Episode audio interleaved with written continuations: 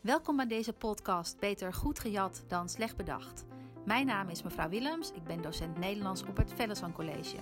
Ik interview vandaag Carlo Nijveen van IJmuiden Courant. Welkom Carlo, ik ben heel benieuwd naar jouw schrijfgeheimen. Wat als je nou echt geen inspiratie hebt, wat doe je dan?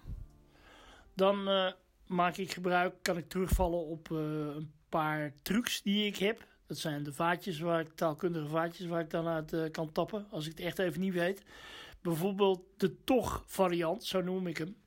Uh, ik heb bijvoorbeeld laatst een verhaal geschreven over een meesterkok die uh, bij een restaurant in de Eimond werkte en voor zichzelf is begonnen. Nou ja, voor zichzelf wilde beginnen, want dat lag even stil door corona. Dus dan is het verhaal bijvoorbeeld Alain Alders heeft al drie maanden niet meer achter potten en pannen gestaan. Althans, niet meer niet in zijn restaurantkeuken. Toch hoopt hij binnenkort te beginnen aan zijn nieuwste uitdaging, namelijk zijn eigen eetgelegenheid. En dan verder. Dus dat doe je eigenlijk om wel meteen een soort spanning in het verhaal op te bouwen. Precies, ja. Wij leren onze leerlingen dat je voor een goede inleiding eigenlijk twee ingrediënten nodig hebt.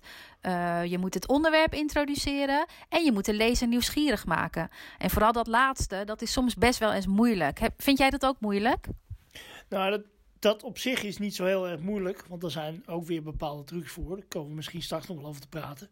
Maar er zijn onderwerpen die echt zo heftig zijn, uh, dat is misschien wel niet of nauwelijks onder woorden te brengen. Ik heb bijvoorbeeld, ben bijvoorbeeld uh, een keer als journalist betrokken geweest bij een uh, familietragedie.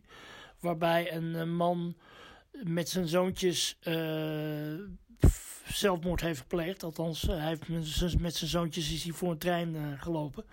En daarvoor had hij zijn schoonmoeder, zijn ex-schoonmoeder, om het leven gebracht. En dat is gebeurd in de Kritsingerstraat in Haarlem-Noord. Dus ik kreeg de melding, uh, ja, je moet even naar de Kritsingerstraat, want daar is iemand in een tuin gevonden, uh, dood. Fijn, ik daarheen.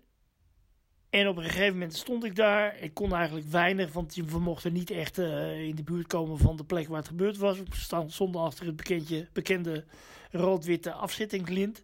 En ik dacht, hoe ga ik er nou voor zorgen? Hoe ga ik dit nou in godesnaam op een leesbare manier niet prettig, maar op een leesbare manier op papier krijg.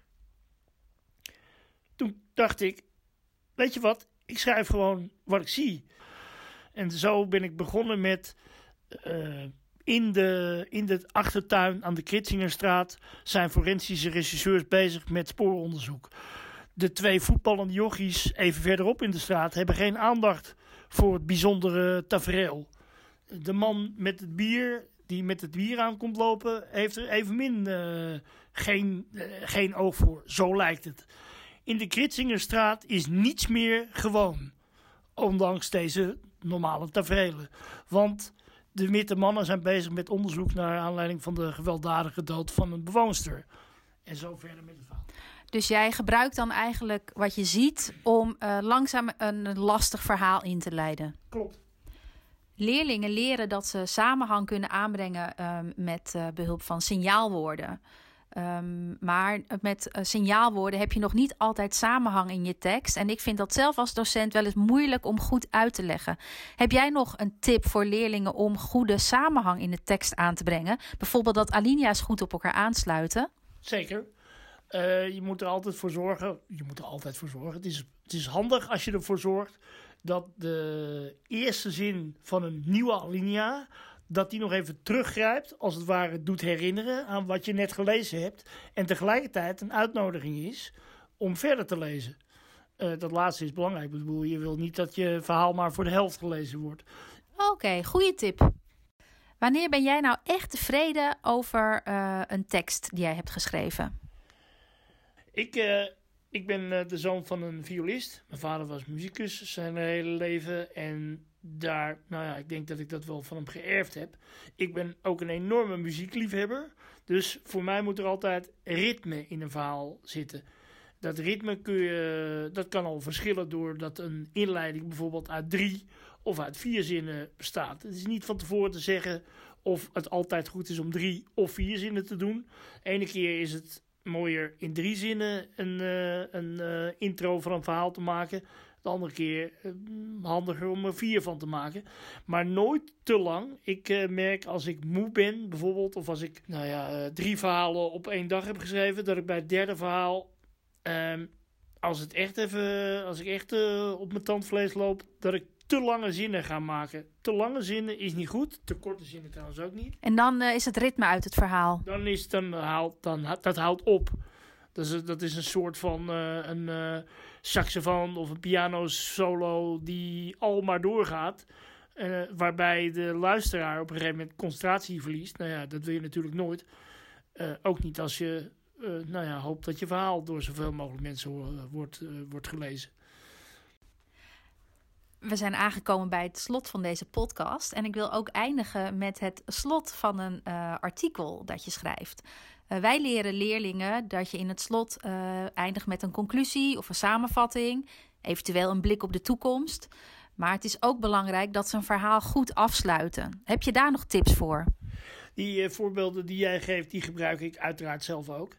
Maar je hebt ook het begrip rondschrijven. Uh, ik geef het voorbeeld van een verhaal dat ik een keer moest maken over een demonstratie bij Schiphol. Demonstratie tegen de aanleg van een uh, nieuwe start- en landingsbaan. Uh, daar was ik aanwezig met iets van 30 of 40 demonstranten. En mijn verhaal begon met een vliegtuig dat grommend, dat woord heb ik expres gebruikt, ik altijd wel mooi, dat grommend het luchtruim koos. Uh, en dat een van de demonstranten daar geen aandacht aan besteedde, want ze was te druk met het beschilderen van haar uh, protestbord. Nou, dat. En dan vertelde ik vervolgens wat er bij die demonstratie allemaal gebeurde. En dat was mijn laatste zin. Mijn laatste zin was: op de, op de kaartbaan kiest een volgende, volgende Boeing 747 het luchtruim. Dat is dus hè, teruggrijpen naar je eerste, de eerste zin van je verhaal.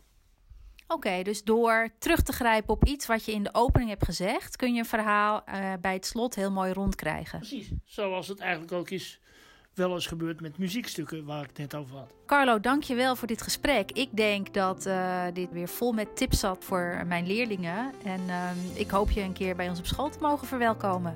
Nou, heel graag. Ik uh, kan niet wachten. Dankjewel.